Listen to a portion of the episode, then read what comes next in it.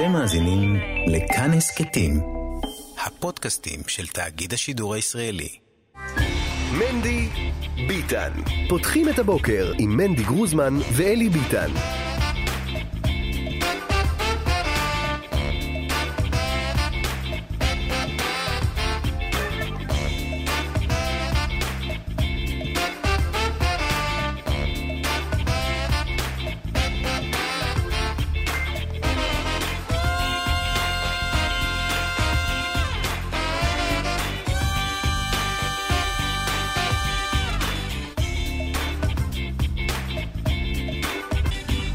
טוב, בוקר טוב, בוקר טוב, שלום לכם, שלום ביטן.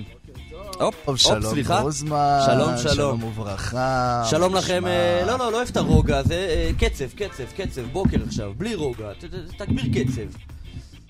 מה, הסתדרנו? הסתדרנו, ברוך יופי, השם, טוב. יום יום. שלום לכם אה, מאזינים, שלום לכן אה, מאזינות, שלום לכם, שלום לנתנאל ינובר העורך, שלום לעיר- אה, לדניאל פולק אה, שהייתה לתחקירים, שלום ל- למנכ"לית השידור והמפיקה, הרבנית הגדולה עירה וקסלר, שלום לטכנאי שלנו שמזמן לא היה איתנו, מורנו ורבנו, צדיק עטרת ראשנו, מיכאל אולשוונג, היקר. בהחלט. שלום, אה, טוב, שלום. אה, לכולם. אה, שלום גם אה, ומזל טוב למשה גפני, שחיתן אמש נכדה, ברור שם.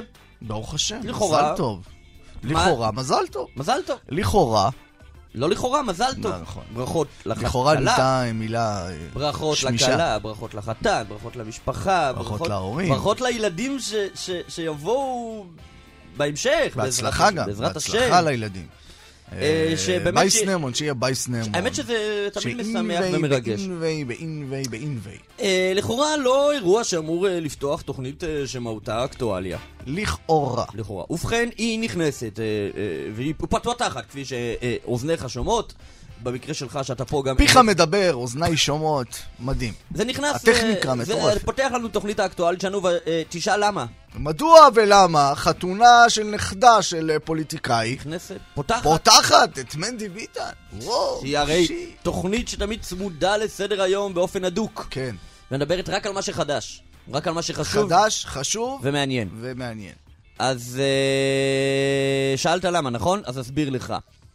אה, אה, גפני, כמי ש... אתה יודע, מקום העבודה של סב הכלה הוא כנסת ישראל. כנסת שם ישראל. הוא עובד, בשליחות רבנן וכולי, אבל בתכלס שם הוא עובד כבר הרבה הרבה שנים.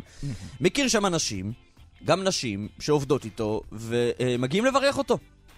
אה, בין קורה, היתר, קורה. בין היתר הגיעו לברך אותו אה, חבר הכנסת אה, מאיר כהן, נגיד, מיש עתיד, הגיע לברך. זה- שר המשפטים אה, גדעון סער הגיע לברך. הגיע לברך. אה, ו... כל אחד מברך גם, אחד מברך מזונות, אחד מברך שהכל, כן. אחד מברך הטוב והמיטיב. והגיעה גם אה, יושבת ראש מפלגת העבודה, השרה, שרת התחבורה אה, בממשלת המעבר, מרב מיכאלי. הגיעה, ולא רק שהגיעה, אלא פיזזה, בעזרת הנשים כמובן, ביחד עם, לא יודע, בנות, בנות דודות, לא יודע מי. את הכלה לא, לא חושב שראיתי במעגל הזה, ויצאו אין ספור סרטונים שבהם רואים כיצד מרב מיכאלי ביחד עם בנות המשפחה מפזזות כאילו הן אה, אה, חברות מספסל הלימודים בבית יעקב והם כרגע במסיבת הרקדה של ראש חודש אדר. שיש לומר שגם אה, אה, השרה מרב מיכאלי, אה, לא רקדה, אתה יודע, באופן פסיבי, קצת הרקידה גם. כן. יש לומר, רקדה והרקידה, אתה מכיר את האנשים באירועים שהם כאילו החיות של. המעגל? כן, זה, הם כן. כאילו נטלה לעצמה את תפקיד המסמכים אה, בעזרת הנשים. שני המאבטחים אה, עומדים מאחור. אה, כן. בעזרת האנשים. בסדר, גם הצלם, אה, גבר. כן, בסדר. גם הצ... נכון, מאבטחים זה מאבטחים. נותני שירות. ברגע שהוא במות של מאבטח, כן. העניין הזה הוא סביר. יצר הרע לא כן, שולט בו. לא לא- לא- לא שאלת ב... כן, וזה יצא, אוקיי, בסדר, מרב מיכאלי, אתה יודע, הכל בסדר, מדברים איתה, זה לא ליברמן, זה לא איזה אנטי-דתי, חרדית, ככה מובהקת, לוחמת, זה אפילו לא יאיר לפיד, אתה יודע, מרב מיכאלי, מפלגת העבודה, ידעה לסגור דילים. כן. אגב, ראש הממשלה יאיר לפיד התקשר קשר לברך. לאחל, כן. אה, ועל זה פתאום כמה, אה, אני לא יודע מהומה, כן, אבל... מהומה, מהומה. מנדי, שלום ירושלמי הוא פרשן פוליטי ותיק, כן. בכיר. אתה יודע מה הוא כותב הבוקר? שגפני אה, קרוב להפסיד את כיסאו בכנסת בגלל המראות זאת, הללו. זאת קצת הגזמה, אה, אבל. אבל, אבל הוא לא אומר את זה על דעת עצמו, אנשים בכירים באגודת ישראל תוקפים, אתה רואה את בש"ס, הח"כים, אתה רואה כן. פעילי ש"ס, אברשה אוחיון, אתה יודע, תוקפים את גפני, אברשה אוחיון אף... אה, אה, אף, מבקר. חתונות ואומר, לפני כמה שבועות הייתי בחתונת אה, משפחת דרעי, לבית משפחת הרב אריה דרעי, ושם היה שם חכם שלום כהן, ו- וחכמים, וצדיקים, ועסקני ציבור וכולי, ולא, ולא אנשים שרוצים לפרק את זהותה היהודית של המדינה, או לפרק את המדינה מזהותה היהודית, בעוד אצל גפני, הנה ראינו מי שם. האמת שלא יודע מה קורה כאילו בהקשר הזה. אני לא יודע, אנחנו לא, לא היינו כאלה, החברה החרדית. תמיד ידעו אנשי שמאל, ישבו איתנו וזה. ברגע שמישהו מובהק שונא, נגיד, או כרגע אנטי, אתה יודע, ליברמן, לפיד בזמנו בתקופת אה, חוק הגיוס וכולי. אז גם מזמינים אותו, אבל אתה יודע לאן? לכפר חב"ד.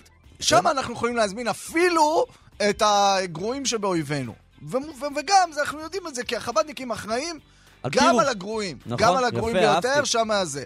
פה אה, יש, יש חלוקת נכון, עבודה, יפה. חלוקת עבודה. אבל מרב מיכאלי גם בבני ברק תמיד הגיעה, הכל בסדר. ו... אתה יודע מה זה יותר מזה? יותר מזה, מבחינה כן. חרדית פנימית, אה, מרב מיכאלי נחשבת פחות שמאל מליברמן. ברור. כי שמאל, המשמעות שלו זה אנטי- שונאי דת, נכון. אנטי חרדים. עכשיו ליברמן תפס את המשבצת, כן? מרב מיכאלי, גם כן. ראיתי אפילו שהכעס היה יותר על גדעון סער, שהוא עם רפורמת הסלולר. כן. ו... אה, אה, לא יודע, האמת שאני קצת תמהתי, אבל אה, אם כל כך הרבה אנשים חושבים כך אה, בתוך מגזרנו, אז אולי יש לזה מקום. בואו נפנה את השאלה למאזינים, ביטן, מה אתה אומר? הכי טוב. הכי טוב. שאלה למאזינים, ואנחנו נקריא בהמשך את התגובות שלכם. כתבו לנו בתנאי אחד, ביטן. מהו התנאי? לא בנהיגה. לא בנהיגה. אבל בבקשה, אה, נא להקפיד, כי אנחנו, אתה יודע, בימים אלה עובדים על מערכת האיתור והניטור, המלשינון הקטן של מנדי ביטן, ומי שיעשה את זה בנהיגה, אנחנו לא חלילה נעביר את הפרטים אם שלו. ראיתם אדם אה, לידכם ששומע מנדי ביטן ומסמס בנהיגה, אנא לעדכן אותנו, אבל כשאתם לא בנהיגה, כשתסיימו כן, לנהוג. 055-966-3991, 055-966-3991. ברגעים אלה ממש אנחנו ניתן לכם עכשיו לסמס את האס.אם.אסים שלכם. אנחנו מחכים לשמוע את דעתכם, בעוד אנחנו כאן אה, נפצח בהרקדת הבוקר היומית שלנו עם שיר נוסטלגי במיוחד. מודה אני לפניך של אברהם פריד. אם אתם בבית, ריקדו ממש. אם אתם בנסיעה, ריקדו רק באמצעות האצבעות על ההגה. תופפו באמצעות אצבעותיכם על ההגה. לא לעזוב את ההגה, אפשר uh, לתופף כרגע בצד ימין. עכשיו לעבור כולם ביחד לצד שמאל, ויאללה בלאגן. גויה.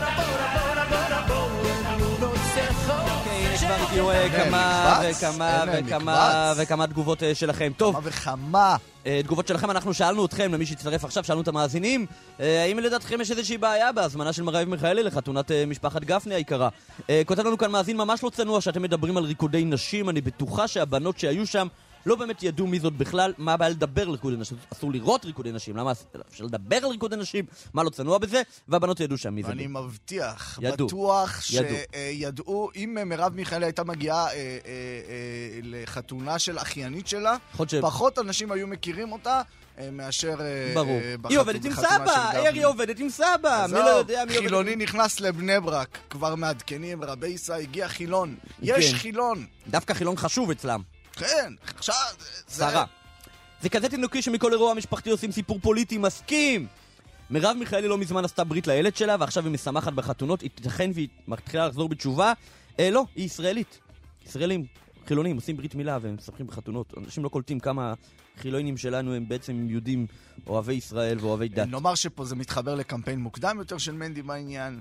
אה, שבא- שהקמפיין הזה, שאגב, אני מצטרף לו, הקמפיין לביטול החילונים. לא, אה, לא, יש. זאת אומרת, יש, יש. לנו uh, תדמית לא נכונה לחילונים, שאני ואתה, אתה יודע, פוגשים את החילונים הם האלה לא כאלה. חילונים, אחי. לא רוב חילונים. החילונים שאני פוגש מחזקים אותי. אומרים לי, למה אתה לא מלמד אותי קצת יותר תורה? אולי נקבע כן, חברותה. אתה- אתה- באמת, לא נעים לי להגיד, אבל יש לי לפחות שלושה חברים חילונים שכועסים עליי, שאני כן. לא אה, לומד טוב, תגובה. שתאהב. מרב מיכאלי מחדירה את האמרה אזרחיות ואזרחים יקרים, שהיא מקיימת את האמרה הנודעת Ladies First, ומשחיתה את השיח הציבורי והופכתו פרוגרסיבי ואולטרה פמיניסטי. לא תזכה לאהדת שלומי אמוני ישראל, טל מצפת. אני רק רוצה לומר שהביטוי פרוגרסיבי מקורו בשיח האמריקאי, ממש לא אה, בסמטאות העיר העתיקה בצפת שמעת על זה, אילולי אה, כל מיני אה, מובילי דעת קהל אה, שמרנים לא כתב- באמריקה. לא, או שזה היא, לא כתבו איפה בצפת. אה, זה דבר ראשון. לא, דבר אבל- שני, אני חושב ש, שזה לא נכון גם. מקור הביטוי אזרחיות ואזרחים, או הניסיון לאתגר את השפה על ידי שימוש בלשון נקבה, זה ממש לא קשור לביטוי ladies first, שהוא ביטוי ג'נטלמני שמקורו בדיוק בגישה נכון, ההפוכה. נכון. רק אני רוצה להגיד, אם אתה כבר בענייני פרוגרסיביים, יפה. פה ערבבת בין שתי בוא חסידויות. מתנגדות. בוא אני אספר לך סיפור, אחי. סיפור קצר ל- בן ל- משפחה שלי. בן משפחה שלי, נאמר שיום שני, מנדי, יש נפילת סוכר כי אין בו קיטוב, אז אם אפשר להגביר את הקיטוב, כי חסר קיטוב, אין בעיה. אז הנה, אני נותן לך עוד קיטוב. בן. בן משפחה שלי, בן כן. משפחה שלי, אה, אמר לי פעם שכשהוא יצא לפגישה עם אשתו שתחיה, שטחי. הוא סיפר לי זה תוך כדי הפגישת ממש, הוא אמר לי שאבא שלו אה, אמר לו ש... שיהיה ג'נטלמן, וכשהם באים למלון, איפה שהם הולכים להיפגש, לפתוח את הדלת, לתת לה להיכנס, ואז ללכת אחריה. אה, בקיצור, הוא אומר, הגעתי ל... לדלת, וכאילו היה איזשהו טכנית, זה לא הסתדר, כי, כי כבר נכנסתי, קיצור, לא ממש עבד העסק. לא עבד העניין הזה. אולי זו הייתה דלת מסתובבת, איך הוא יכול לפתוח, הוא חייב להיכנס... קיצור, היה בעיה, מה, הוא יגיד לה... לא הצליח. לא הצליח. אז הוא, אז הוא נכנס ראשון, לא קרה, אבל, אה, אבל אה, הוא נכנס ראשון, ואז הוא אומר, התנצלתי בפניה, אמרתי, אני מצטער, אבא שלי אמר לי לפתוח את הדלת, אבל... אמרה, או לא, לא, לא, לא נורא, לא נורא, כי דווקא אבא שלי, שהוא רב אגב, אמר ש, שזה מנהג גויים ו- ולא ראוי וכולי. אז ככה יצא שני החובות. טוב, כדעתי אני די מתבייש באופן שבו התקבלה מחוותה היפה של מיכאלי בציבור. לדעתי התגובה רק תגרום להגברת השנאה לציבור החרדי והמכה של הפערים. אה, גם לא צריך להגזים, לא צריך להגזים. כן, גם צריך להגזים. לא, טוב. הכל טוב. אה, חילונים, חרדים, היינו פה, נהיה יאללה, פה. ביטן, אה, בוא נמשיך. מנדי ביטן. שמונה ותשע עשרה דקות. בהחלט. תודה לשעון הדובר שלנו, אה, ביטן. אה, תוכן עניינים קצרצר, אנחנו עכשיו בענייני חינוך. ראש מחוז חרדי למשרד החינוך. אה, אה, מנהל. מחוז מנהל מחוז חרדי למשרד החינוך, רות אלמליח, אה, שנחשבה לאשת אה, אשת הממסד החרדי שמזוהה איתם ומזוהה גם עם מנהלי המוסדות. אה, כך לפחות נחשבה. אה, היא הולכת, ושי קלדרון אה, אה, נכנס עכשיו. אה, אנחנו נמשיך בענייני חינוך עם הרב יונתן רייס, אה, שקשור מאוד עם מתווה בל, שעליו אנחנו עוסקים אה, הרבה מאוד. אנחנו נדבר קצת על שינוי שיטת הממשל. מקדימים רפואה למכה, אם שוב לא תהיה הכרעה פוליטית בבחירות הבאות, אנחנו כבר מכינים את הפתרון, שינוי שיטת ממשל, או שלא. רק נאמר שבשעה הבאה אנחנו נדבר על הרב גריינמן, בנו של רב חיים גריינמן, אה, שהלך לעולמו אה, בימים האחרונים. נדבר על... אה, אה? אה? ביום שישי. ביום שישי. נדבר על אה, יחידת צוהר של צה"ל, כן, כן. אה, מה זה אומר? אה, 8200 של הרבנות הצבאית, יחידה מאוד מעניינת, נעסוק גם בה, אה, ובשורה של עניינים אה, נוספים. אבל עכשיו, ביטן, בוא ספר לי את הסיפור הזה. מה קרה במחוז החרדי במשרד החינוך? ויתרה מכך, למה זה מעניין אותי? אוקיי, אוקיי. קודם כל, אנחנו, אתה יודע, היהודי מקבל אה, תפקיד חדש, וזה לפחות, אתה יודע, פרנסה חדשה ליהודי, אנחנו תמיד שמחים, אבל uh, הפעם uh, זה רציני יותר. כפי שאתה יודע, uh, החינוך החרדי גדל, וגדל מאוד, ובמשרד החינוך, לדעתי בשמונה שנים האחרונות, יש מחוז חרדי, זאת אומרת... בעל תפקיד שהוא אחראי, מנהל מחוז חרדי, הוא אחראי על כל ענייני החינוך החרדי, שרובו אמנם בזרם המוכר שאינו רשמי, מיעוטו מוסדות פטור, ומיעוטו הקטן יותר בממ"ח. בממ"ח. אפילו יש מוסדות לא מוכר, לא משנה, על- עליהם אנחנו בכלל לא מדברים, כמו של הקנואים, Mm. אה, אבל אה, אה, מיעוטו בממ"ח. בשנים האחרונות מנהלת את המחוז החרדי רות אלמליח. היא מונתה בתקופתו של מאיר פרוש כסגן שר החינוך, והיא הייתה נחשבת עושה, דברה, עושה דברם של ראשי עמותות החינוך החרדיות והפוליטיקאים החרדים. כפי שאנחנו יודעים... למשל, אה, מלחמה מאוד אה, מתונה בתופעת האפליה ודברים כאלה. למשל מאוד, אתה יודע, אפילו היא זכתה אה, לביקורת, על אף ששמה למשל אלמליח. לא מזכיר את זה, לא רלוונטי. לא רלוונטי, אוקיי. אבל, אבל גם, למשל, למשל, תנאי כי אני העסקת חושב המורות. שאשכנזי צריך להילחם בגזענות בדיוק כמו שמזרחי צריך להילחם בגזענות. לא. אין עוד עול שמוטל על מזרחי. אוקיי. זה כן. זה אפליה. צריך מקובל. בגזענות, נקודה. מקובל, אוקיי. מקובל, מקובל, מקובל. אני לוקח את הדברים חזרה. אוקיי. בוש ונכלם באזכור אה, הזה. אני אוהב שיצאתי יותר מתקדם ממך, כן. כן, אה, פה אתה מכה אותי בפרוגרסיביות הגויית הזאת. אוקיי. אה, מ- מה- מה ש... אתמול למשל כתבות באתרים החרדים, הדבר שהכי אקוטי. מכה לחרדים. עוד שנייה נקריא. הכתב, הדבר שהכי אה, מטריד אותי, שמשרד החינוך הוא זה שאמור להיות אה, עם העין הפקוחה על תנאי העסקת מורים ומורות חרדים, והוא פשוט לא עושה כלום. אנחנו שאלנו כאן את מנכ"לית משרד החינוך, מה אתם עושים? איך יכול להיות? כל כך הרבה מורים, כל כך הרבה גננות, איך יכול להיות שהמשרד אין לו say בדבר הזה? זה חלק אה, מהעניין. בקיצור, אתמול אחרי הליך איתור וראיונות, אה, הודיעו על אה, מינויו של שי קלדרון, לתפקיד, שי קלדרון, איש חינוך, איש המשרד, אחד ממפקחי זרם הממלכתי-חרדי, בעצמו בעבר מנהל בית ספר של החינוך העצמאי, זאת אומרת, חרדי? בן אדם שמבין. סוג מה של. זה חרדי? כן, לא יודע, כיפה שעל הראש שלו היא אה, סרוגה שחורה. הבנתי. אבל הוא משלנו, הוא כן. פונון זרה, והוא ממונה אה, לשוב, אה, לראש המחוז החרדי, למנהל המחוז החרדי, וזה לא כזה מתקבל בשמחה אה, אצל החרדים. אני אה, מקריא אצל- לך... אצל הפוליטיקאים החרדים. נכון, נכון. אני מקריא לך אה, ציטטה, ציטטה, ציטטה, צטט לי, אה, מתוך כתבו של חנני בריינדקוף, אהוב עלינו, כיכר השבת. כיכר השבת, אה, על המינוי. הכותרת אה, היא כישלון חרוץ לסיעות החרדיות, מונה מנהל חדש למחוז החרדי. זה הכותרת. ונגיד, ארי קלמן... מכה לחרדים. מכה לחרדים, זה האווירה. והנה גורם בכיר במערכת החינוך אומר לכיכר השבת, או, פותח ציטוט, פותח ציטטה, מדובר בדרמה ענקית בחינוך החרדי, זה פעם ראשונה.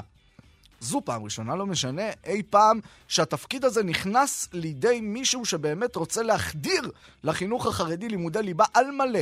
מאז מאיר שמעוני, אחד המנהלים אה, המיתולוגיים של המחוז החרדי, שכבר לא בתפקיד די שנים, התפקיד יושב רק בידיים שהנציגים החרדים סמכו עליו.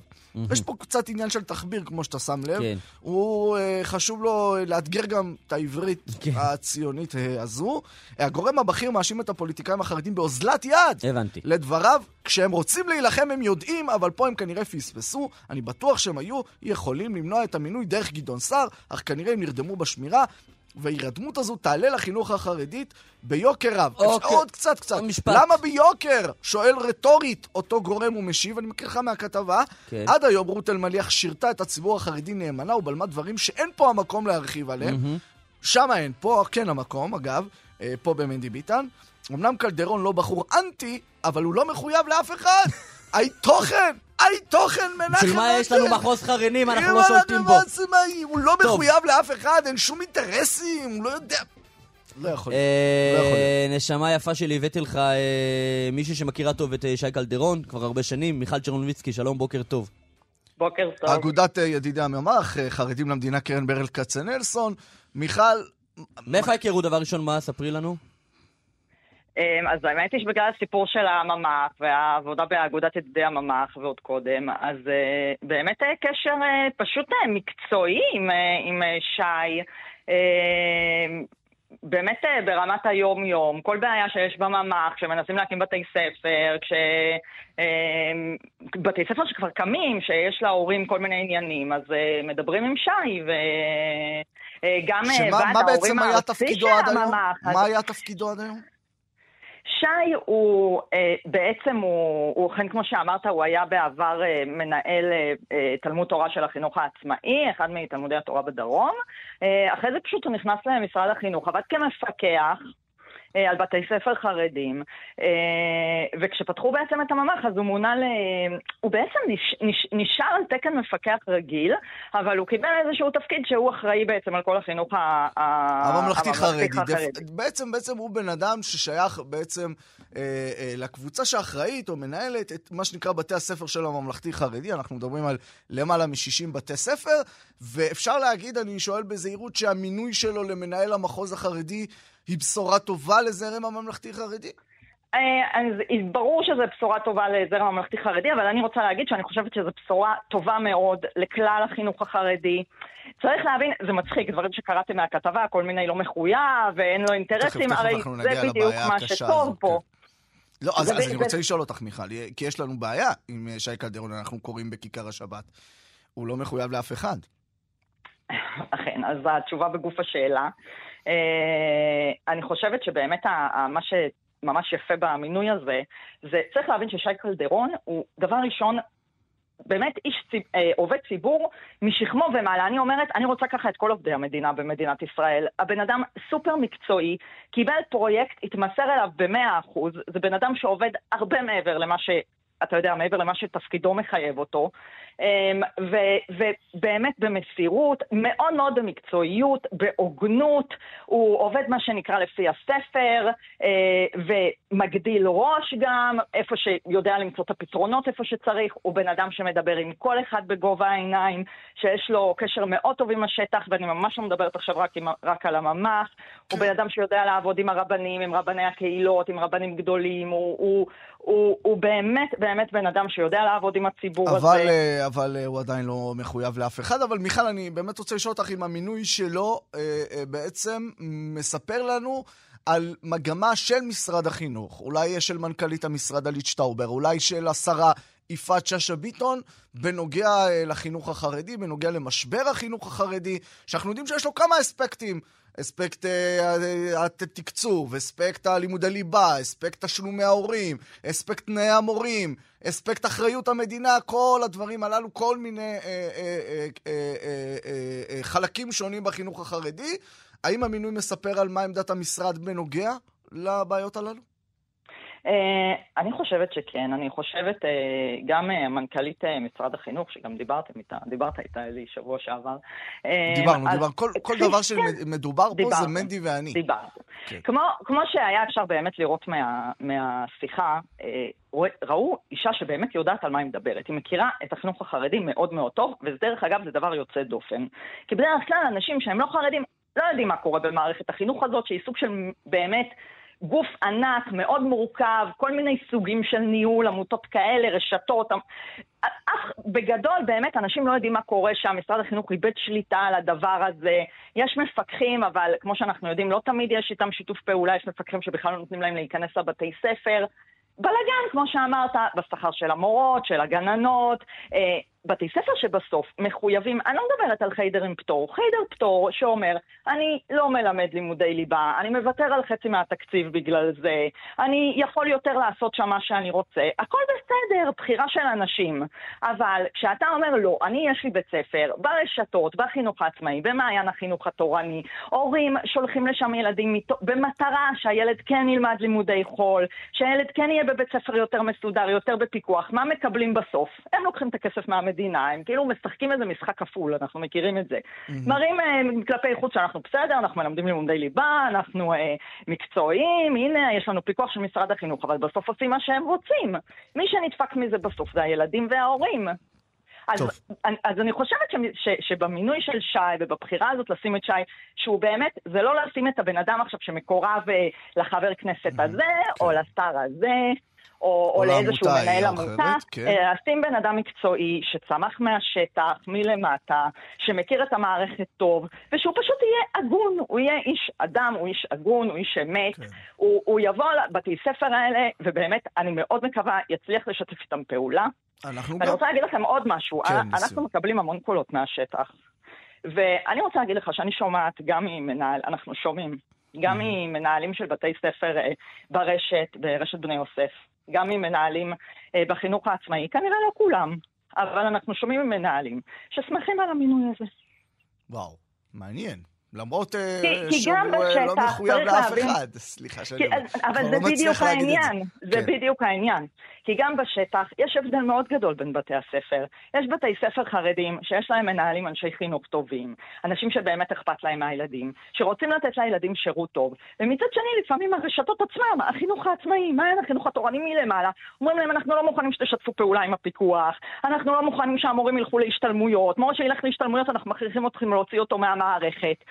חבר'ה, זה כאילו, זה לא משהו, אנחנו, אתם יודעים, זה מה שאנחנו יכולים לשמוע מח"כים וכל מיני כאלה, כן. אבל זה לא משהו שברמת השטח אנשים מרוצים ממנו. ברור, ברור, ברור, ברור. בסופו של דבר, אה, אה, תכליתך כשולחן זה ש, שיהיה אפשר לאכול עליך, או להשתמש בך. אה, כשהתכלית הזו לא מתקיימת, או כשתכליתך כמנהל מוסד חינוכי או כמורה, אז אה, זה לא טוב, וכשיש איש נכון. מקצוע נכון. זה טוב. מיכל צ'רנוביצקי... כן, זה עוד משהו. צריך להבין ש... זה, זה משהו שגם, אני, אני חושבת ש, שגם במשרד החינוך מבינים אותו. כפייה זה דבר שלא עובד בסיפור הזה. בסוף אם בית ספר לא רוצה ללמד לימודי ליבה, ואם בית ספר לא רוצה לשתף פעולה, אז גם אם לפי החוק הוא מחויב, וגם אם על הנייר הוא מחויב, וגם אם כביכול אתה תגיד אני אעצור לך את התקציב וכל מיני דברים כאלה, זה, לא, זה אולי יעבוד קצת בשוליים, זה לא עובד, אז הוא יכניס את השיעורים ללוז, הוא, הוא ישים את המורה, אבל זה יהיה ברמה אפס, והילדים ילמדו, וכן ילמדו, כן, לא ילמדו, כן, זה מאוד לכפות, מאוד קשה. אי אפשר לכפות, בטח במדינת ישראל היום, כן? אולי בצרפת קל יותר, אבל בישראל היום אף אחד לא הולך. אי אפשר, אבל דרך אגב, אה, פרופסור לוטם פרק כן, אנחנו חייבים לסיים. כן. אז ממש עוד שני משפטים. היא אומרת שזה נכון לכל העולם, שאי אפשר לכפות את הדבר הזה, אתה צריך שיתוף פעולה. אני חושבת שבאמת אחד היתרונות הכי גדולים של שי, ואני אומרת לך, זה באמת, אני עובדת עם הבן אדם הזה הרבה שנים. אחד היתרונות כן? הכי גדולים שלו, זה שהוא יודע ל- פעולה. לעבוד בשיתוף פעולה, הוא יודע לגרום לאנשים זה מספיק אה, בשבילנו. לשתף איתו פעולה. זה מספיק בשבילנו. מיכל צ'רנוביצקי, אגודת ידידי הממה, חרדים למדינה, קרן ברל כצנלסון, תודה רבה, בוקר טוב. תודה לכם. אנחנו uh, ממשיכים בענייני החינוך, 055-966-3991, זה מספר הטלפון שלכם לתגובות. אתה יודע, מנדי, המינוי הזה של קלדרון קורה שבוע בדיוק, שבוע בדיוק, לאחר חתימה ההיסטורית על uh, מה שמכונה מתווה בלז, אותו מתווה שמאפשר לכל מוסד uh, חינוך חרדי להגביר את לימודי uh, מקצועות החול ולקבל כסף. אחד האנשים שהיו בעומק המגעים הללו מכיר את המתווה הזה אה, גם אה, לעומקו, זה הרב יונתן רייס, בוקר טוב. בוקר טוב. ראש אה, מוסדות אה, חדוותה, אה, צריך להגיד. אה, למעשה אתה, אתה מיוזמי אה, אותו מתווה שנחתם אה, לפני כשבוע ויום. קודם כל אני רוצה לחדד, אה, לא נחתם שום הסכם עם אף אחד, אמור לצאת בזמן הקרוב קול קורא שמתבסס על תוכנית, על מתווה, שהוסכם בין החינוך והאוצר. אה, אני מאמין לפני ש- כשבוע הרבה- מנכ"לית משרד החינוך חתמה על, אה, על המתווה, חתמה באופן רשמי, בהמשך גם יצא קול קורא, אבל המתווה נחתם, ברוך השם, לפני שבוע, או לא ברוך השם. אה, כן. אני, אני, רוצה, אני רוצה להבין ממך, כי אתה אה, מכיר ככה את אה, פרטי אה, המתווה הזה, אה, מה זה בעצם אומר? שמוסדות חסידיים, או נגיד מוסדות של בלז, פשוט ילמדו אה, החל מעתה מקצועות חול? את כל אה, אנגלית, מתמטיקה, מדעים? קודם כל אני לא רוצה להתייחס למוסד כזה או אחר, אני אתן ככה את התמונה, את המסגרת הכללית. באופן עקרוני, אה, לא יגדילו את השעות. זאת אומרת, הלימודי חול שלומדים היום בחיידרים החסידים, או בחיידרים הליטאים שיצטרף, ש, שיהיו מעוניינים להצטרף לזה, לא יורחבו. זאת אומרת, אם לומדים הם בסביבות השעה והרבע, שעה וחצי לימודי חול, ייקחו את השעה והרבע, שעה וחצי הזאת, ופשוט אה, ינהלו את זה בצורה מקצועית כך שבזמן הזה, במקום ללמוד בצורה לא מקצועית, כמו שעשו עד היום, ילמדו בצורה מקצועית, על ידי תכנים שיותאמו לכך בשיתוף פעולה עם, ה, עם המגזר, עם המנהלים, מנהלי חיידרים, ואני מאמין שהתכנים עוד יועברו לגדולי ישראל. אני בטוח. אני בטוח. כן. שברגע, וברגע שייתנו אור ירוק, אז בעצם אה, יטמיעו את התכנים האלה, מדובר על מתמטיקה, אנגלית ועברית. אבל זה כבר נגיד משנת הלימודים הקרובה? אני מאמין שזה יתחיל מינואר 23, אני לא מאמין שמשרד החינוך יצליח אה, כבר באלול אה, להיערך לזה. עכשיו, אתה יודע, יש בציבור, יש באופן כללי, יש שתי גישות, שתי נקודות מבט בהקשר הזה. נקודת מבט אח- אחת, של אה, חסידות בלז למשל, או של פעילי הממ"ח, אגב, נקודת מבט משותפת, זה שלא קורה פה כלום. בסופו של דבר מדובר על דרך אה, לקבל תקצוב עודף, אולי להשוות את התקצוב לרשתות, אבל בסופו של דבר מה שהיה הוא שיהיה. הגישה השנייה, גישת דגל התורה, גישת הליטאים, וכן גישת משרד החינוך, שמדובר במהפך. זאת אומרת, מדובר בשינוי דרמטי, מה שהיה עד היום לא יהיה, ויש כאן אה, משהו שעלול או יכול לשנות את פניו של החינוך החרדי לגמרי. אתה, הרב רייס, איך רואה את הדברים? אני לא, אני רוצה לדבר מנקודת מבטי, אני לא כן, יודע מה כן, כן. אומרים ומה ממ"ח אומרים. עזוב את השמות. פה- מה, אתה, מה נקודת המבט שלך? ברור שיש פה תהליך נכון ואמיתי. אין פה איזשהו כיוון שרוצים לעשות אה, איזה סיבוב על משרד החינוך. אם היו רוצים לעשות סיבוב, כנראה שהיו מתעקשים עוד יותר להיכנס לחינוך עצמאי. פה מדובר על מודל שבסוף, על תקציב לפי יעדים. אה, זה התוכנית שהולכת לצאת לפועל, יהיה כמובן בסיס, אבל ברמת העיקרון האוצר הסכים ללכת על התוכנית, אפילו שאין פיקוח כמו ממלכתי, כי הרי לא, לא הולך להיות ממלכתי, הבעלות נשארת באופן עצמאי, זאת אומרת שהפיקוח הוא לא, הוא לא משמעותי. אז בעצם מה שהאוצר אמר, מה שאני, כשיזמתי את זה, אמרתי לאוצר, אם אתם מפחדים על פיקוח, בואו תתקצבו אותנו לפי מבחנים. ברגע שמתקצבים לפי מבחנים, לא צריך מפקחים, כי זה כמו כל עסק שעובד, יש לו מפקח שבא ולבדוק אותו. לא, כל יזם וכל איש עסקים יודע, כל איש עצמאי, בניגוד לשכיר, יודע שאם הוא לא יעבוד, סוף חודש לא יהיה כסף. אותו דבר פה, ברמת העיקרון, בסוף המשחק הוא, העניין הוא שיהיה תכנים מותאמים ומוסכמים. ברגע שיש תכנים שגדולי ישראל אומרים, כל, עוד פעם, כל אדמו"ר לעצמו, כל אחד בחסידות שלו, כל רב לעצמו. בודק את התכנים, הוא נותן אישור למנהל שלו, אני מוכן שילמדו את זה, אז אין מניעה ללמוד, לא יהיה פה שום, מניעה אני. לא רואה פה שום סיבוב שהולך לקרות. כן, מעניין מאוד. אני, אני רוצה קצת ברור, אני, ברשותך... אני יכול. אני רק יכול להבין את הפחד של הממ"ח, כי ממ"ח בסוף זה כישלון. זה לא, זה לא גודר, זה באמת עוד רגע כישלון. נגיע כי לממ"ח, עוד רגע נגיע לממ"ח, אבל אני רוצה ככה, אתה יודע, כי בסופו של דבר כולם בציבור החרדי, בטח ברמת אנשי החינוך ואנשי המקצוע, מדברים על הנושא הזה, זה החדשה.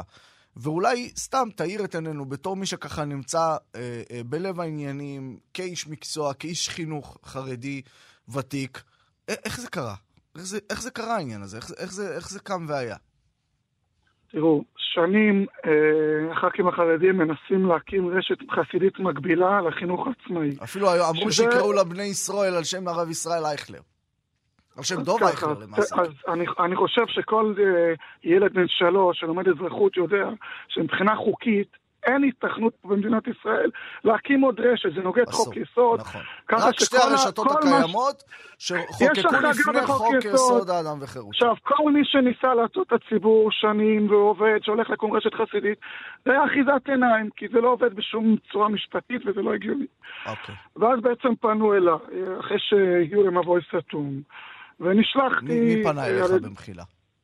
נשלחתי על ידי ועד החינוך של בל לנסות למצוא עוד פתרון. אה, ואז, ואז פניתי למשרד החינוך, אמרתי להם, חבר'ה, ממלכתי לא יהיה.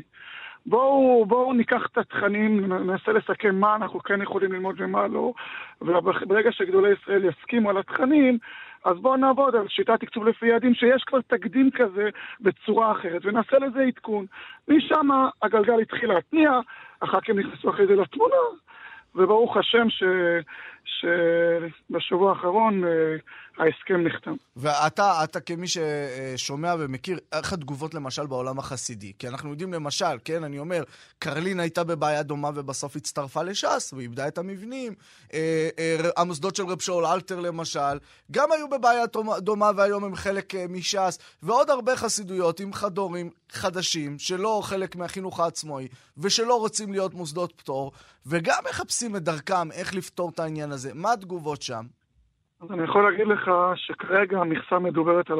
מדברים על 2,500 תלמידים שיוכלו להשתתף בפעימה הראשונה.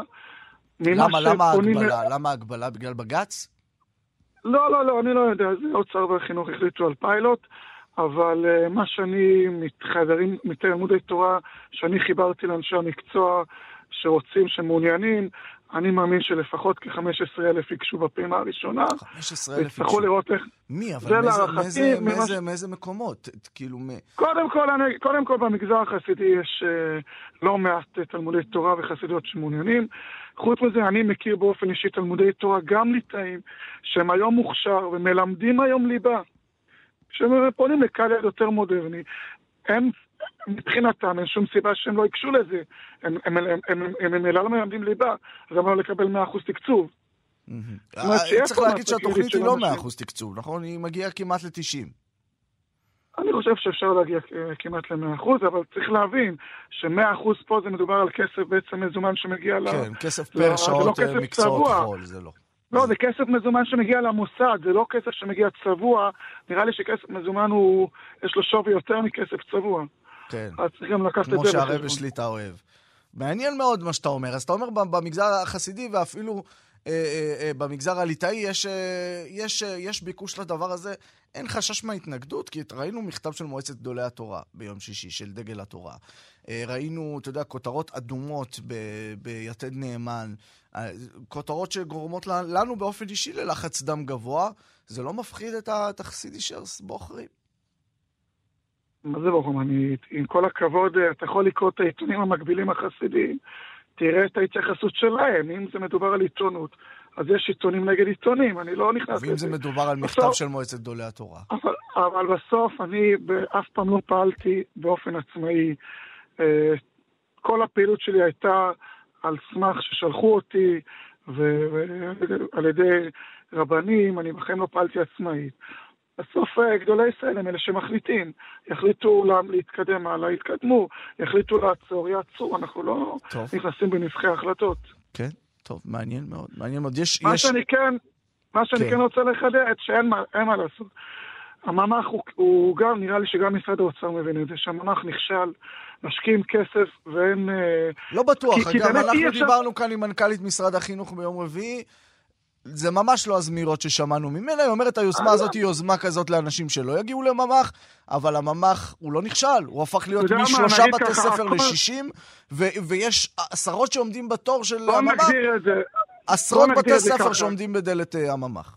בוא נגדיר, הקונספט של לנסות לכפות על המגזר החרדי, אה, איך, איך, איך להפעיל את הבתי לא ספר שלו של תחת הממ"ח. תלמודי תורה, זה לא, זה לא עובד. לא, עוד פעם, לייצר איזשהו מעטפת ולהגיד, אם תהיה כמו המעטפת שאני הצעתי לך, תקבל 100%, אם לא, נריב אותך.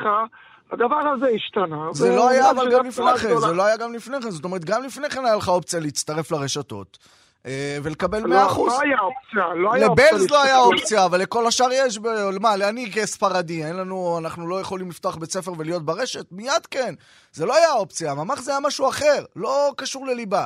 משהו הרבה יותר יסודי ומקיף, והוא עדיין קיים, ולהפך, עכשיו יש מינוי אופציה של איש הממ"ח. אופציה של, בוא נגיד, האופציה שלא זמינה לכולם, לדעתי זה לא אופציה.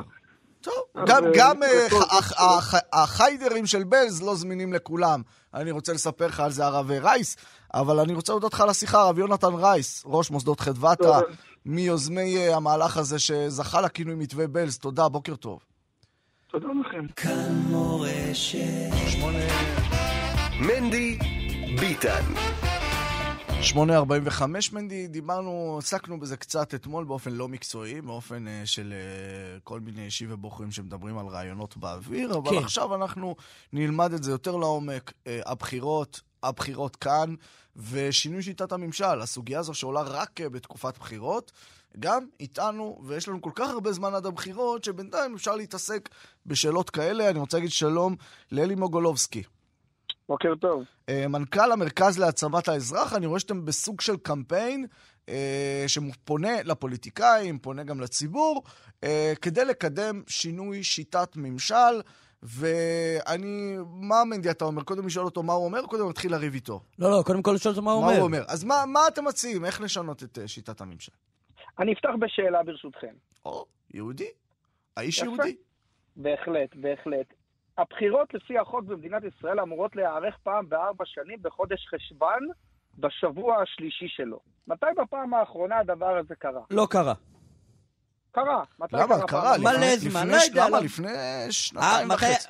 אה, ארבע. שנים, עם כל ארבע שנים. לא יודע, קרה אולי פעם. 1988 לא. לספירתם. לא קרה, נולדתי באותה שנה, לא קרה, נו. כן. לא קרה. 1980, מאז 1988 הבחירות במדינת ישראל לא התקיימו כסדרם. מדינת ישראל כבר היום אחרי... וגם ה- אז היה אחרי ממשלת רוטציה כזאת. מה- נכון, נכון. זה גם אנחנו ככה. רואים בעצם, העובדות אומרות דבר מאוד פשוט. מדינת ישראל הפכה להיות, אה, בסיבוב החמישי הזה, המדינה הכי לא יציבה פוליטית בעולם המערבי. עקפנו כבר את יוון וספרד בסיבוב, יש לנו בחירות פעם ב-2.4 שנים.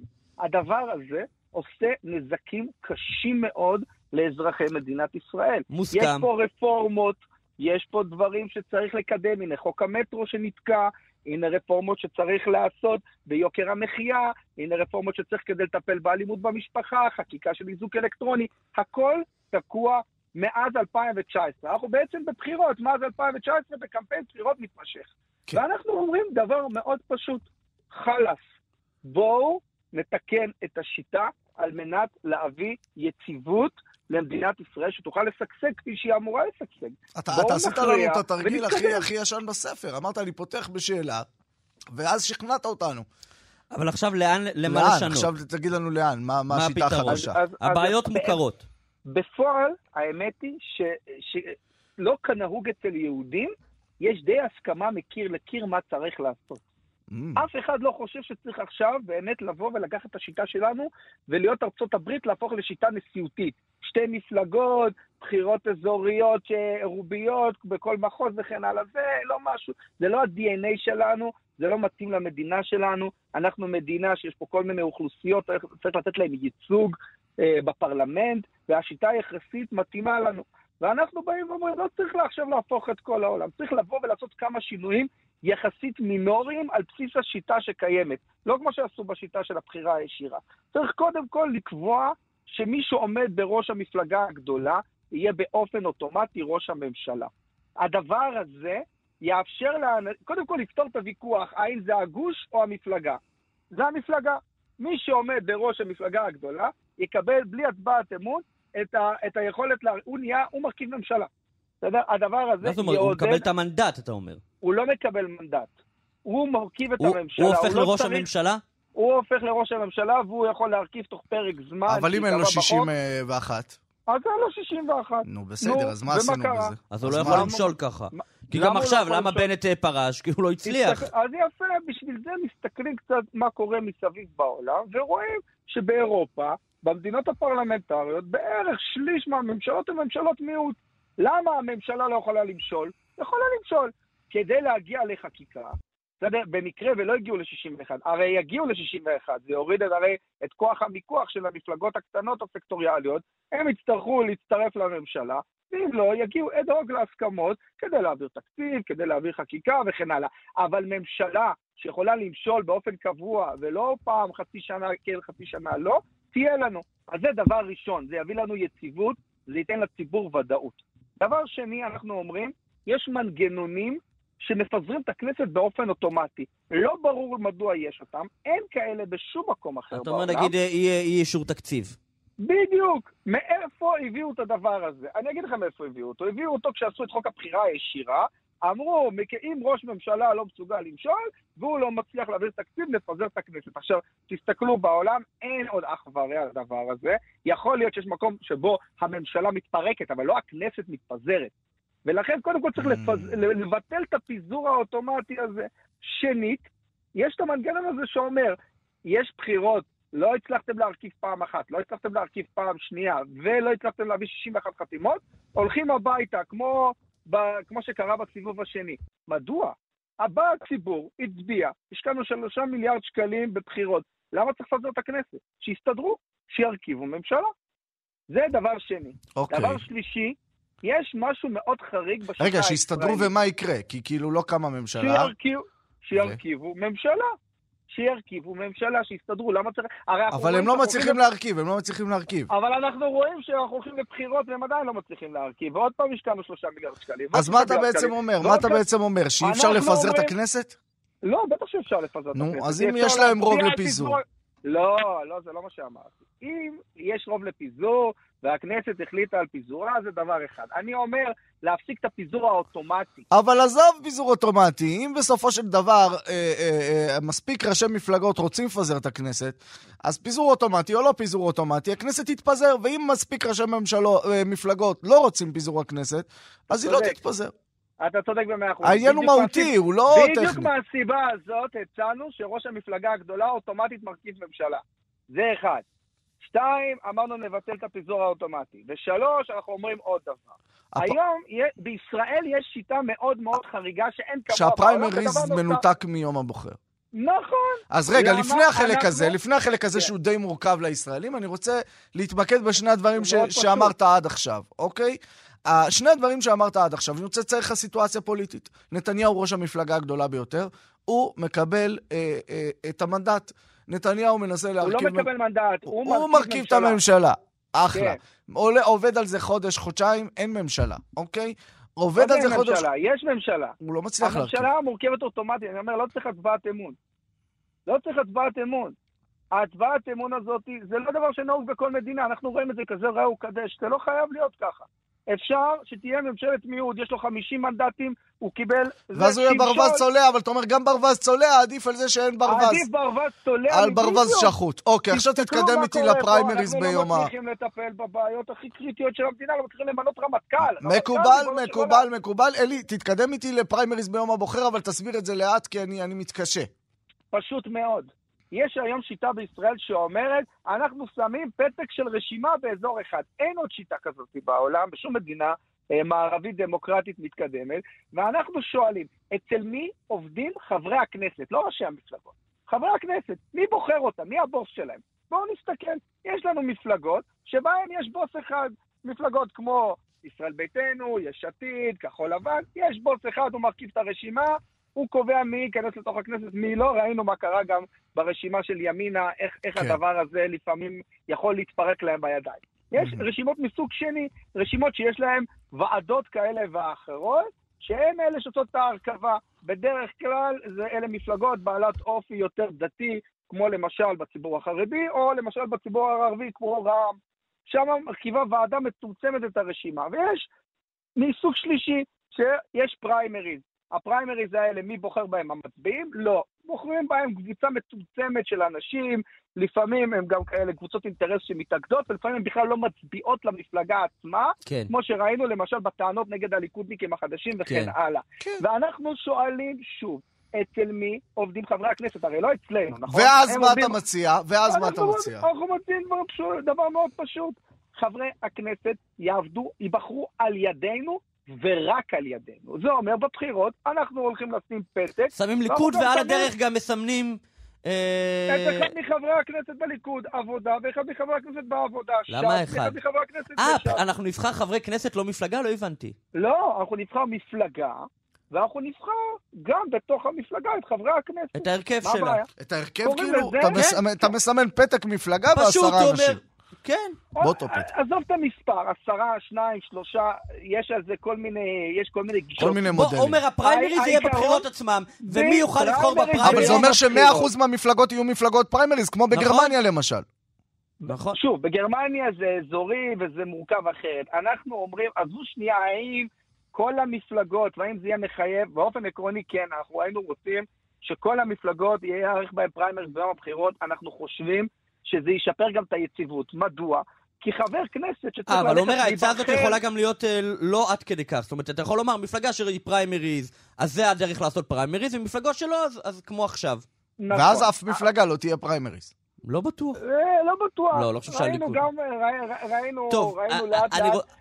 זה אנחנו מאוד- רק רוצים. לבוא ולהגיד... האמת שהתחלנו- אהבתי ממש. האמת שהתחלנו את השיחה... ברע, לא- ו- ו- לא, והסתיימה באמת, בטוב. לא, כי כאילו קצת היה לנו שיחה לפני זה, ואמרנו, אוקיי, מה, שיטת ממשל זה מה שיעזור לנו פה. אה, אה, מה אני אגיד לך, לא לקחת שבויים, כבודו. ושכנעת והבאת הרבה נקודות למחשבה, אז, באמת אה, תודה רבה, אה, וגם המאזינים. אני כן אבל רוצה לשאול אותך, תגיד, אתה חושב, אני חוש, מרגיש, אתה יודע מה, אני לא אגיד חושב אפילו, אני מרגיש באיזושהי אינטואיציה כזאת שאולי לא מדויקת, שהפלונטר הפוליטי הוא לא עניין של שיטה, הוא באמת משקף איזושהי בעיה בעם שלנו, אנחנו חצי... לא יודע מה, חצי יקראו לזה ימנים, חצי שמאלנים, חצי דת מעל מדינה, חצי מדינה מעל דת. כל מיני... יש לנו בעיה, אנחנו, אנחנו מדינה מאוד לא הומוגנית. והשיטה אולי תפתור את זה, אבל הפלונטר בחברה עדיין יישאר. ככה אני חושב. מה, מה דעתך? דעתי היא כזאת, אנחנו לא מיוחדים ואנחנו לא חריגים. בהרבה מדינות יש שסעים חברתיים. זה טבע האדם וזה טבע החברה האנושית. יש לנו בעיות במדינה, ברוך השם, אבל זה לא אומר שאי אפשר להתמודד איתן. יפה. השיטה שלנו לא מתאימה להרכב של מדינת ישראל בימינו אנו, היא מתאימה להרכב של מדינת ישראל כשהיא הוקמה. יפה. אנחנו צריכים להיות מסוגלים לקבל החלטות יפה, גם צריך ולהתקדם. לומר שגם אם יש פלונטר חברתי, ברגע, אם הוא מוביל לפלונטר פוליטי, אז כמו ביצה ותרנגולת, זה מוביל את הפלונטר החברתי ל- להחמרה יותר.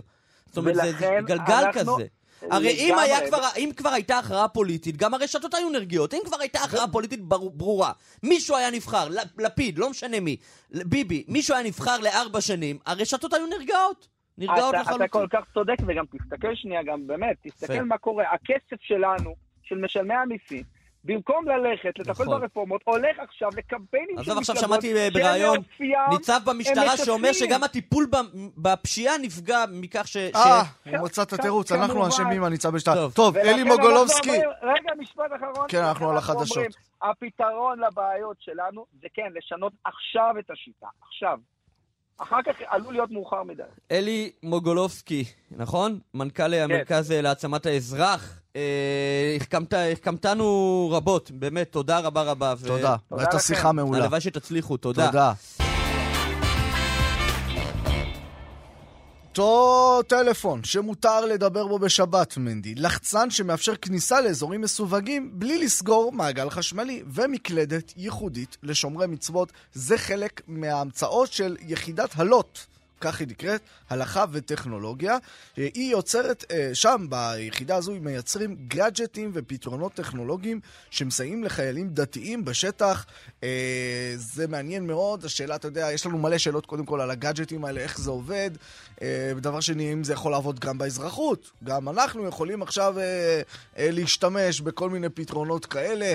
אה, כדי ללמוד, אנחנו רוצים להגיד שלום לרע"ן הלכה ברבנות, שר, אה, סגן אלוף הרב אה, שוהם אורקבי.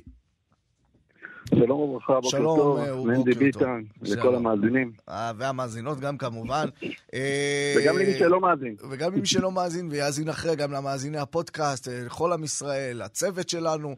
בוקר טוב לכולם, והשאלה שלנו, כבוד הרב, איך, איך זה עובד? מה, איך, איך, איך היחידה הזאת בכלל עובדת? ברבנות הצבאית אנחנו uh, רותמים את הטכנולוגיה uh, המתחדשת בעולם להלכה הצבאית. Uh, כפי שהקדמת ואמרת, יש לנו מעבדת אלוט, שזה מעבדה של הלכה וטכנולוגיה, שהיא בעצם לוקחת את כל היכולות הטכנולוגיות הקיימות בשוק, מכניסה אותן לכלים הלכתיים ונותנת לנו את המענה המיטבי, כך שחייל יוכל לשרת בלא מניעות ובלא עיכובים את שירותו הצבאי. ישנם כמה כללים בהלכה שבעזרתם אנחנו מצליחים אה, לייצר את המנגנונים האלו. האחד זה גרמה, השני זה נקרא סילוק המונע, אוטומציה ודברים נוספים. עכשיו, זה לא פתרונות ראשון... שקיימים באזרחות, דברים שמכון צומת עושים והמכון הטכנולוגי, ההלכתי-טכנולוגי? אוקיי, okay, אז אני לא, לא אכנס לשמות, אה, אבל כבר הזכרת, יש, יש מכונים כאלו גם באזרחות, אכן כן. גם הם משתמשים באותה הלכה, באותה תורה, באותם מנגנונים. כן. אה, אלא שהם מתמקדים בדברים הקיימים באזרחות. האם זה פתרון לאנשים שמתקשים בהליכה, כן. וכן אז זו הדרך. מכשירי שמיעה וכולי. כן. כן. ואנחנו מתמקדים בבעיות הצבאיות, שאת האזרחות, את המכונים האזרחיים זה פחות מעניין. תן, תן דוגמה למשהו שהוא צורך צבאי. למשל, כניסה לחמ"ל, הזכרת. אם אנחנו עכשיו אה, נשאיר את המציאות איך שהיא, אז כמובן, אני, זה חשוב שהדברים ייאמרו, אה, חייל שנדרש להיכנס עכשיו לפעילות מבצעית כזו או אחרת, הוא לא צריך שום מנגנון, שום שינוי, שום כלום, הוא צריך להיות בפעילות המבצעית והיא דוחה הכל. פיקוח נפש דוחה שבת, הכלל הידוע לכולם. כן. אבל חייל עכשיו נמצא בחמ"ל. הוא רוצה לצאת עכשיו לסעודת שבת, לצאת לחדר האוכל, רוצה לצאת החוצה לנשום אוויר. זה לא פעילות מבצעית, אבל כן. זו פעילות הכרחית על מנת שהוא יוכל לתפקד תפקוד נכון. מיטבי. אה, הוא לא יכול להיות אה, שמונה שעות, 12 שעות. לכאורה גם מותר לו בלי שום פקפוק, לכאורה. אם לא היה, אם לא היה, אם לא היה את הפתרון שלכם, מה צריך להגיד? הוא לא יאכל? לכאורה. לא, לאכול הוא היה חייב לאכול, אבל אולי היינו ממליצים לו להכניס מזון מבעוד מועד, מבעוד יום, mm. לפני שהוא נכנס לחמ"ל, מזון קר, אז הוא לא יאכל בשבת מזון חם למשל. אבל אנחנו לא רוצים להגיע לפתרון הזה, ולכן כן. יצרנו את הפתרון של אה, אה, כניסה, בקרת כניסה לש, בשבת לחמ"לים. בקרת הכניסה הזו עובדת בשיטת הגרמה. והיא מאפשרת לכל המקומות האלו שהם בתחום האפור, פתרון יצירתי כזה שהוא לא נעצר על פי ההלכה, ובצורך הוא מותר, והצורך הוא אה, צורך ביטחוני, צורך רפואי, או כמו שכותב אה, ערימה, צורך של הפסד ממון למשל. המילה גרמה היא נגזרת מהמילה לגרום, בסדר, בארמית גרמה זה לגרום, שזה אומר במילים אחרות, זה פעולה שלא במישרין. אה, יש דוגמה מעניינת, הגמרא מסכת שבת אומרת, לא תעשה מלאכה, אז עשייה הוא דאסר, אבל גרם המותר, גרם השארי. והגמרא mm. מביאה פה ציור מעניין שעל, שעל בסיסו אנחנו מסתמכים בעצם בכל ההיתרים האלו של גרמה. הגמרא אומרת שאם יש, אה, המשנה במסכת שבת, אם יש דלקה, אז כמובן שאסור לכבות את הדלקה בשבת. אבל המשנה מציירת פתרון אה, הלכתי לאירוע הזה, לקחת קדים מלאים מים, להניח אותם בפני הדלקה, לא על האש, כי אז אתה שופך מים על האש, אלא בפני הדלקה, כמה מטרים בריחוק מהאש, וכשתגיע האש, הקדים יתבקעו והמים מכבים את האש מעליהם. Mm-hmm. זה נקרא גרמה. מבחינה הלכתית, הגרמה הזו אינה מלאכה אסורה. עכשיו, למרות... בכל זאת ש... לא היית, באזרחות לא היית משתמש בהיתר כזה, אני מניח. באזרחות משתמשים, המכונים שהזכרת, משתמשים בהיתרים mm. האלו למציא, למציאויות ההכרחיות הנדרשות להם. יש אה. גם כתבניות בבתי חולים כאלו ואחרים, למרות שזה לא ניתוח, זה לא עכשיו פיקוח נפש, אבל זה תיעוד הביקור כן. הרפואי וכולי, וזה צורך חיוני. כן. אה, אם זה אה, אני לא, לא עושה פה שיווק לכל מיני מנגנונים שיש באזרחות, אבל יש מנגנונים כאלו ואחרים באזרחות שמסתמכים על הדבר הזה של גרמה, כי גרמה אינה מלאכה אסורה. יחד עם זאת, אנחנו לא נתיר עכשיו את כל מלאכות בשבת, ולא יודע, חייל רוצה עכשיו לראות, אה, לא חייל, אזרח, לא משנה, רוצה לראות טלוויזיה, כן. אני לא אפתח לו עכשיו שלח ב- בגרמה בשבת שיוכל לראות את הטלוויזיה. כן. זה פשוט שלא. ללא צורך, אנחנו עוצרים את זה, כמובן. אבל אם זה צורך חיוני, שזה, כמו שאמרתי, הרמ"א כבר פסק שזה מקום פסדה, ואנחנו מרחיבים, לא אנחנו, הפוסקים הקדומים כבר הרחיבו את זה לכל דבר שהוא צורך הכרחי, ובכלל זה צורך רפואי, צורך ביטחוני, אפילו שהוא לא פיקוח נפש, אפילו צורך רפואי שהוא לחולה שאין בו סכנה, לא פיקוח נפש עכשיו, לא חולה שאם לא נעשה את זה הוא, הוא ימות. אלא חולה שאין בו סכנה, אבל צורך חשוב, צורך אה, חיוני. במקרים האלו הצענו את הנושא הזה של גרמה, בצ- בצורה הזו. זה, זה, זה לא משהו שהוא אה, אה, אחרונים של אחרונים, זה כבר שולחן ערוך, משנה ברורה, שפסק שכיבוי זה לאו דווקא, הוא הדין כל הפעולות, וכן על זו הדרך. אז לכן ההיתר הזה הוא היתר מחובר, אבל במקרים ההכרחיים, לא עכשיו במקרים של fun וסתם שיהיה לי נעים, אז אני אה, אשים פה מזגן אה, במנגנון גרמה, אדליק אותו בשבת. לא, כן, לא. עכשיו, אה, אה, כמה... היחידה הזאת, אני מבין, פועלת כבר אה, 17 שנים. נכון מאוד. כן, נכון. וראיתי... בראש- כן, מה אתה אומר? בראש היחידה הזו עומד רב סרן הרב רונן אהרון, שידיו רב לו בהלכה וטכנולוגיה. זהו, אנשים ש- אה, עומד שפועלים שם צריכים עומד להיות... לימינו מהנדס, עומד לימינו מהנדס, אזרח בצה"ל, אה, אלי, שהוא, יש לו יכולות אה, בפיתוח, ויש להם גם, ומה תפקידך. בכל- ב- בתוך הכוח הזה? אני ראש הענף, זה אחד מהמדורים שלנו בענף ההלכה, יש לנו מדורים נוספים, בית מדרש להלכה ומכון הסתם וכולי, אז אחד המדורים שלנו זה מעבדת הלכה וטכנולוגיה. המעבדה הייחודית הזו היא מעטת הכמות, אבל רבת האיכות. הם עושים שם גם את החשיבה, אה, אני מבין מקבלים מה- שניתן גם קרדיט, יצחק טסלר מוויינט, שככה אה, אה, פרסם עליכם לאחרונה כתבה נרחבת, אה, ובעקבותיה גם אנחנו עושים את הרעיון הזה. שם ראיתי ש- אה, שהוא מציין שאתם, אה, היחידה הזאת מונה חמישה אנשים בסך הכל. נכון מאוד. בגלל זה אמרתי שהיא מעטת הכמות, אבל רבת האיכות. כלומר, זה מעט אנשים, זה לא איזה 500 איש, אז זה ממש מתי מעט, אבל הם, אני לא יודע איך להגדיר את זה, אבל בעיניי זה בדרך נס, פשוט ככה. הם מייצרים גם את החשיבה, מקבלים מהשטח את הצורך, מה הצורך עכשיו נדרש. אם זה לכלי שיט, שעכשיו יש להם שם מכלי זהו, אני מנסה להבין, זה-. יש צרכים שכל הזמן צצים שוב, כאילו? בוודאי, בוודאי. אני, אני אתן שתי דוגמאות. אני כן. רק רוצה רק לסיים את המשפט שפתחתי בו. היחידה הזו היא גם מייצרת את החשיבה, את האיסוף של, הכ... של הצורך מהשטח. על בסיס זה היא בונה את הפיתוח, עוברת לייצור וגם מבצעת את ההתקנה. כל זה זה שבעה אנשים מקצה לקצה. שני מפקדים, שני קצינים ועוד חמישה חיילים, זה כל היחידה, ולכן אמרתי בדרך נס. הזכרת אה, פיתוחים חדשים ש... מפעם לפעם, אז אנחנו מכירים את אצלנו הבית בעולם החכם. הישיבות כדי לפרק טייסמס צריך יותר כוח אדם. שתי דוגמאות, הרב. כן, אז מה שתי אה, דוגמאות? אז אנחנו אה, מכירים. באזרחות את הנושא הזה של הבית החכם. גם בצבא הטכנולוגיה שועטת בצ- בצעדי ענק, והיום כבר ביחידות רבות, כאשר חייל נכנס לחדר, נכנס, פותח את הדלת, נדלקה, נדלקת התאורה, נדלקים המזגנים וכולי וכולי. כאשר הוא יוצא מהחדר וסוגר אותה, אז הכל נכבה. עכשיו בואו שוו בנפשכם, חייל נכנס לסעודת שבת, רוצה לעשות קידוש בחדר האוכל. דקה, הוא ראשון בחדר האוכל, כך יצא. כן. ברגע שהוא נכנס לחדר האוכל, כל התאורה, המזגנים, הכל נדלק. או לחילופין, גמר לאכול את הסעודה שלו, רוצה לצאת, מסתכל ימינה ושמאלה, אנה ואנה, ורואה שהוא לבד בחדר האוכל. הוא מבין שאם הוא יצא החוצה, הוא מכבה עכשיו את כל המזגנים בסגירת הדלת. כן, טוב, זה כבר יש... עכשיו נגזר עליו להישאר, כן. נגזר עליו להישאר עכשיו כל השבת בחדר האוכל. לא, כן, לא, אבל מה, הזה- אנשים שעוברים במקומות שבהם האור נדלק אוטומטית, יש הרי, יש אה, פסיקרי שניחלה ולא ניחלה, שלומי זלמן כבר צודק, טיפל אבל- בזה, כן. אתה, אתה צודק, אתה צודק, יש מקום להתפלפל פה, אבל, אבל תסכים איתי שבכיבוי, בהדלקה לפחות, אה, ניחא לה שיהיה תאורה ויהיה מזגן כשהוא יושב לאכול. כן, לא, אבל בכיבוי לא ניחלה. בכיבוי, אתה צודק, בכיבוי לא, לא ניחלה, אז אפשר לסמוך על זה, אבל בהדלקה תסכים איתי. כן, בהדלקה, אנחנו- אוקיי, כן. אז בהדלקה ובכן, יש את אותה בעיה פה- במזגנים היום. אם אני פותח, מזגן שהוא פועל על תרמוסטט, אם אני פותח את הדלת, אז בעצם אני מפעיל אותו, ואני גם רוצה, וזה ניחלה. זה יותר קל, זה יותר קל, מכיוון שזה לא סקרט, זה לא בוודאות. בפתיחת הדלת של תרמוסטט חדר האוכל. של משרד, זה... בפתיחת הדלת של אה, מקרר, או לא משנה, מזגן או מה שלא יהיה, פתיחת הדלת היא לא אה, בג- בפסיק רשע, אבל הנה חינמי, גם במקררים אנחנו עושים מנגנון כזה, כמו שעכשיו אנחנו אה, נצייר, והמנגנון הזה שקראנו לו מזגנית. המנגנון הזה בעצם זה מבוסס על שעון אסטרונומי, שהוא בעצם יודע לחשבן ב-Waze את המיקום של היחידה, איפה היא נמצאת, את השעות כניסה ויציאת שבת של אותו מקום, כולל חגים, שבתות וכולי וכולי. ובשעות האלו הוא מנטרל את הכיבוד והדלקת המזגן. וואי, כבוד הרב, אני רוצה, אני, כבוד הרב, אני רוצה לברך אותך שיבוא יום וכל המוחות של צה"ל יעסקו אך ורק בפיתוחים כאלה, ולא בנשקים ולא בדברים אחרים. ולא יישא גוי אל גוי חרב, ויתכנת את ה-GPS, זה מדהים, מדהים, הרשמת אותנו uh, מאוד. לסיום, אנחנו חייבים לשאול את כבוד הרב, מה, מה הרב חושב על סיסו ושמחו? מה זה סיסו? סליחה על אה, כבוד הרב לא יודע. יפה מאוד, טוב אם הרב לא יודע. זה פשוט איזושהי סדרה שעשו על הרבנות הצבאית, אבל אם הרב לא יודע, הכל בסדר.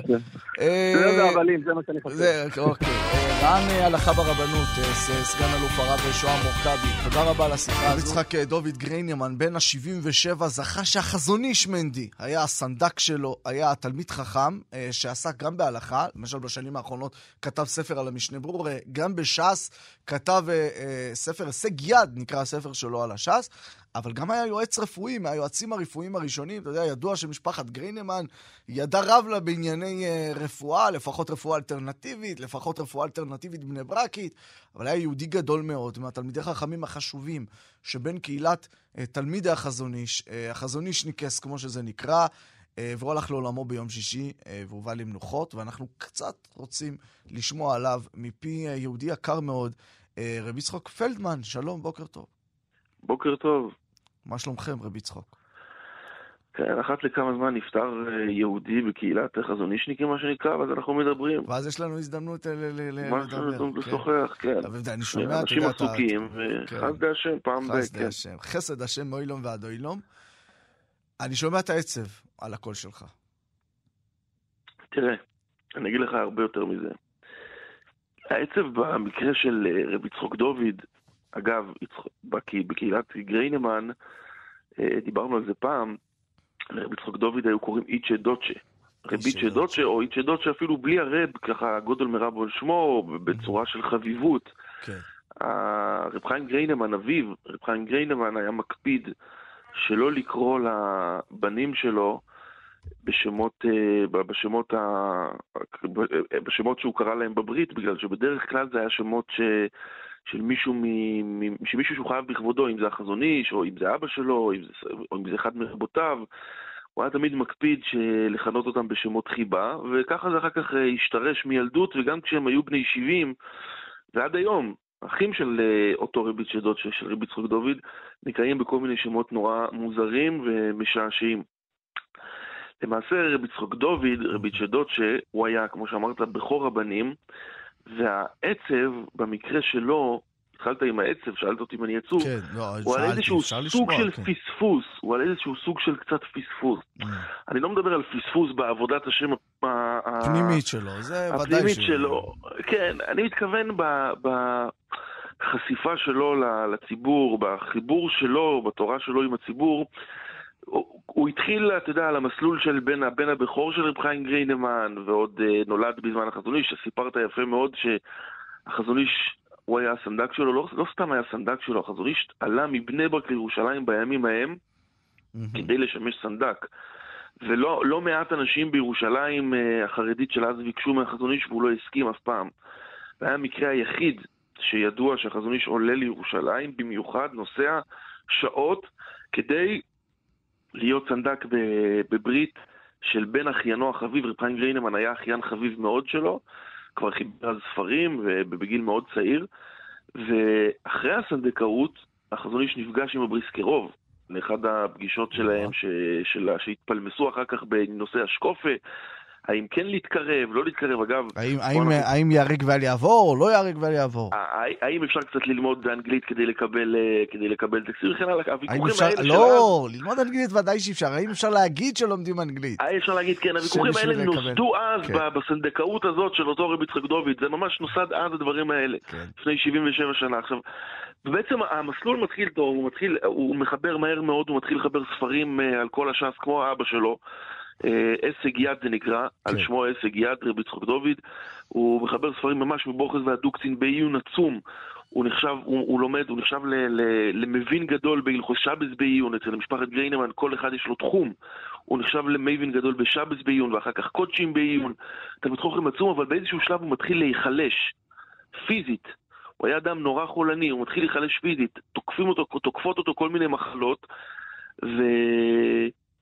והוא עצמו מתחיל להידרש לרופאים, ואצל גריינמן, כמו שסיפרת, יש איזושהי...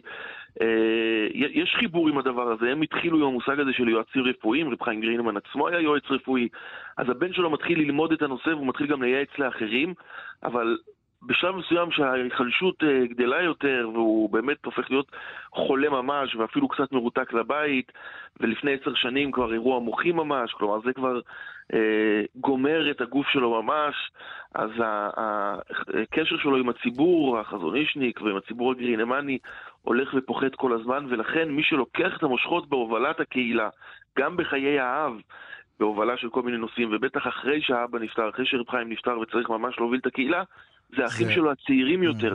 והוא נשאר איזה מין דמות אה, על כזאת של יהודי מיוסר מאוד, אה, על, כן, הספון... על כיסא אה, גלגלים, על כיסא גלגלים כל הזמן, כפוף, כמו שאגב אבא שלו היה בשנים האחרונות, אבל כן, הוא הרבה שנים שבור, הגוף שלו היה נורא שבור כזה, כפוף כל הזמן, וככה הוא היה נראה כזה, מין דמות מרוחקת, לא ליצור- מושגת. מ- מעניין הפספוס הזה שאתה מדבר עליו, אבל אני, אני חשבתי שאתה מדבר על, על פספוס אחר, כי אתה יודע, קהילה קדושה וקהילה שיש בה תלמידי חכמים ובקיאים ואנשים עם חשיבה ישרה, אה, כמו קהילת תלמידי החזוני, זה באמת דבר, ש- לא חזון נפרץ בעולם החרדי, אבל רב כזה, שמטבע הדברים, אתה יודע, תלמיד חכם כזה, שהוא אמור להיות רב כלל חרדי, בסופו של דבר הוא רב בקהילה מאוד מאוד קטנה ומצומצמת, וגם כאן יש איזשהו פספוס, אתה יודע. ופה אנחנו מסתכלים על ההקשר היותר רחב, ועל המלחמות בין אביו לבין הרב שך ובין הקהילות, שבסופו של דבר גרמו לכך שיש דמות כל כך משמעותית.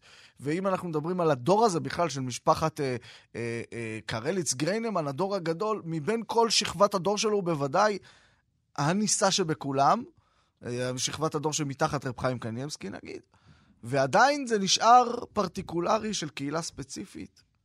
נכון, ומעניין, זה, זה נכון, זה נושא רחב מאוד, אה, שמחזיר אותנו הרבה שנים אחורה, ח- אבל... אה, מנדי, אתה אבל- יודע שחרדים אומרים זה נושא רחב מאוד, אומרים זה נושא שאנחנו לא מדברים עליו עכשיו. כן. אבל, אבל תראה, אני אגיד לך... זר לא אתה- יבין. אתה, אתה נפלת, אתה נפלת על, על, על המקרה של רבי יצחק דוד, שאני חושב... אני חושב שהוא ניסה קצת לשנות את זה. למשל, תראה, בכל כל, כל, כל, כל יום עם נוירואים, כל בני הקהילה הולכים, אפילו באים לבני ברק, ומי שגר בבני ברק בוודאי, הולכים להתפלל בה בסמדרש הגודל שאין לו שם, אבל כך קוראים לו, בסמדרש הגודל של רב חיים גריינמן ברחוב חידושי הערים. כן. אה, שהורחב במשך השנים, וזה סוג של התבדלות, זאת אומרת, לא מתפללים במקום אחר. לא מתפללים בלדרמן. דוד- כן. ודווקא רבי יצחק דוד, אה, בסוג של הסכמה עם אביו, בהוראת אביו לא כך ברור, בשנים האחרונות, עוד בחיי אביו, כן פתח איזשהו מניין בשכונה, הוא היה גר ברחוב רד"ק, מי שמכיר, זה, יש לרחוב הרב שך, הרצל לשעבר, בבני ברק יש איזו פנייה לרחוב רד"ק. אה, והוא היה גר שם, והוא, אם, אם אני צריך לקחת מתוך 16 הילדים של רב חיים גרינמן, הוא הכי פחות היה נראה חייניק, הוא. הכי פחות חייניק. הכי פחות, אני לא יודע אם הכי פחות חייניק, הכי פחות לקח את זה לכיוון שצריך להגיע כל שבת וכל חג, הוא התפלל באזור שלו, ובחגים וביום מנוירואים הוא עשה מניין מיוחד בשכונת נאות יוסף, ו- זאת אומרת, אני לא חושב שהיה עוד בן של רב חיים שגר בבני ברק ולא הגיע לבסמדרש הגודל ל- ליום עם נוירואים, זה דבר שהוא כן. לא הגיוני. אתה אומר שהוא בקהילה. היה- הוא היה רב חיים גריינמן של הרב חיים הוא היה רב גריינמן. חיים גרינה בדיוק, הוא היה פורץ הדרך של פורצי הדרך, ו... ו... אבל שוב, לא הייתה לזה השפעה באמת גדולה, כי כמו שאמרנו, הוא לא, הוא היה חולה, הוא היה קשה לו לתקשר עם הציבור, והוא נחלש ספרים, ונחלש החיבור ונחלש. שלו, החיבור המדובר שלו, שלא ראינו. אחד מהבנים שלו נפטר, אני זוכר, כן. היה חולה תקופה קשה. כן, אחי, אנחנו כבר לא מספיקים לדבר, גם רציתי להרחיב על העניין הזה של הייעוץ הרפואי ובמשפ... ומשפחת גריינמן בכלל, אבל אני רוצה לדבר על החיבור שלו, זה דבר שהרבה זמן אה, חיכו והיה צריך, אתה יודע, יש לנו הגאות, מה שנקרא הגאות החזוני של המשנה ברורה, אבל אין לנו הגאות אה, אה, אה, של, של החייניקס, של חוט תלמיד החזון איש על המשנה ברורה, מבחינה הלכתית, והדיבור הוא שבמשך השנים האחרונות הוא ישב וכתב חיבור כזה, אתה מכיר אם את זה? תרצה, אם תרצה, כן, אם תרצה, זה בדיוק הסמליות. הכי גדולה של הפספוס הענק הזה. כלומר, יש לנו כבר פה יהודי שיושב וזמנו פנוי, כי הוא לא עסוק בהנהגת הקהילה, כדי לעבור ולעשות uh, הגעה משמעותית ורצינית של uh, דעותיו של החזוני של הרבי שטברו, שהיה חלוק בלא מעט מקומות, ובסוף אנחנו לא, לא, לא מקבלים את זה. אולי הילדים, אולי הבנים שלו וממשיכי דרכו יתעסקו בזה, אבל בחייו אנחנו לא, לא, לא מקבלים את זה כי, כי, כי הוא חולה, כי הוא לא מצליח, כי הוא מתקשה. זה, זה בדיוק זה העניין הפספוס. שהיה עם ריבי צדק דוד. אנחנו מצטרפים לעצב שאיתו פתחת, ומודים לך, רבי יצחוק פלדמן היקר. החכמתנו רבות. שנדבר גם במקרים טובים יותר. בטח, בטח. שנדבר, שנשב, שנאכל, שנרקוד. באיזה רשם שנרקוד, אני מבטיח. תלוי איפה, תלוי איפה, לא בכל, חתונה, לא בכל מקום ולא לא בכל חתונה, כן? לא בכל מקום ולא בכל חתונה, וגם, בכל, וגם בחתונה, תלוי בעזר סנושים או לא בעזר כן. סנושים. אה, תודה, בוקר. אתם מאזינים לכאן הסכתים, הפודקאסטים של תאגיד השידור הישראלי.